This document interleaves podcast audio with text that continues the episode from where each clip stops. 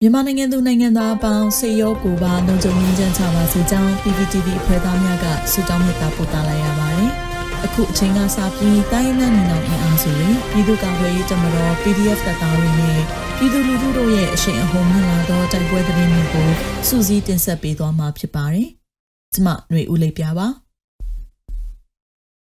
ပထမဆုံးအနေနဲ့ထိကြိုက်မော်ကွန်းတောင်တွင်စစ်တပ်တန်ချက်က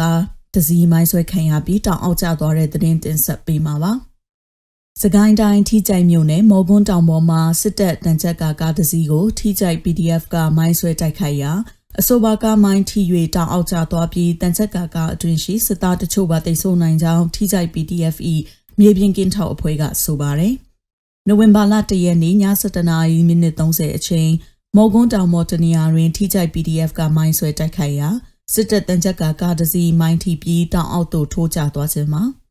ထိကြိုက်မြို့နယ်ဟာစစ်ကောင်စီတပ်ဖွဲ့များကိုတက်ကြွစွာလက်နက်ကင်တိုက်ခိုက်နေသောစကိုင်းတိုင်းအတွင်းမှမြို့နယ်တစ်ခုဖြစ်ပြီးဒေသခံကာကွယ်ရေးတပ်အင်အားမှလည်းကြီးထွားလျက်ရှိကြောင်းဒေသခံများထံမှသိရှိရပါသည်။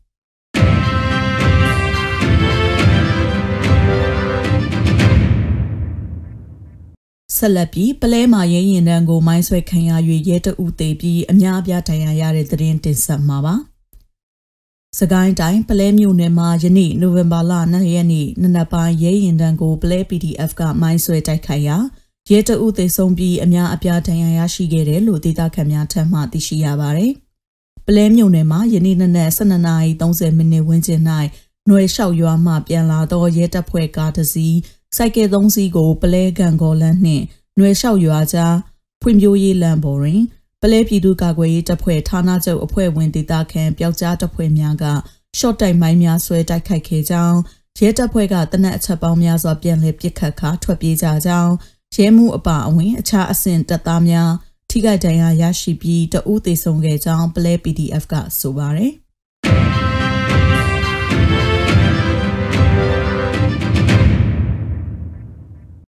ဆက်လက်ပြီးဖောင်းဆိုင်မှာစစ်ကောင်စီရင်ကိုကိုကန့် MNDAA ကပိတ်ဆို့ဖျက်ဆီးခဲ့တဲ့သတင်းတင်ဆက်မှာပါ။ရှမ်းပြည်နယ်မြောက်ပိုင်းဖောင်းဆိုင်နှင့်မုံကိုကြားရှိကွမ်တာနယ်မြေတွင်ခြိတက်လာသောအကြမ်းဖက်စစ်ကောင်စီရင်နှန်းကိုကိုကန့် MNDAA ကပိတ်ဆို့တိုက်ခိုက်ခဲ့တယ်လို့ MNDAA ပြန်ကြားရေးတကိုကန့်ကထုတ်ပြန်ပါတယ်။မိုင်းခွဲတိုက်ခိုက်မှုကြောင့်စစ်ကောင်စီရင်တစည်းပျက်စီးခဲ့ပြီးထိခိုက်ကြဆုံးမှုကိုအသေးစိတ်မသိရှိရသေးဘူးလို့ဆိုပါတယ်။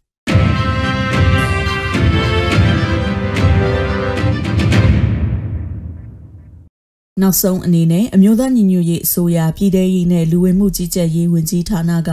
နိုဝင်ဘာလ2ရက်ရက်စွဲနဲ့ထုတ်ပြန်တဲ့ပြည်သူ့ခုခံတော်လှန်စစ်တည်င်းချက်လက်တွေကိုတင်ဆက်ပေးသွားမှာပါ။အာနာသိန်းအကြံဖက်စစ်အုပ်စု၏ပြည်သူလူထုအပေါ်အကြံဖက်ဖိနှိပ်ဖန်ဆီးတိုက်ခိုက်ထပ်ပြက်နေမှုများကိုပြည်သူလူထုတရက်လုံးကအသက်ရှင်တန်ရေးအတွက်မိမိကိုယ်ကိုမိမိခုခံကာကွယ်ပိုင်ခွင့်အရာပြည်သူ့ခံစစ် People Defensive War ကိုဆင်နွှဲလျက်ရှိပါတယ်။တရင်ချက်လက်များအရာ တရက်17လ2021ရက်နေ့မှာရန်သူစီရေးပြစ်မှတ်12နေရာ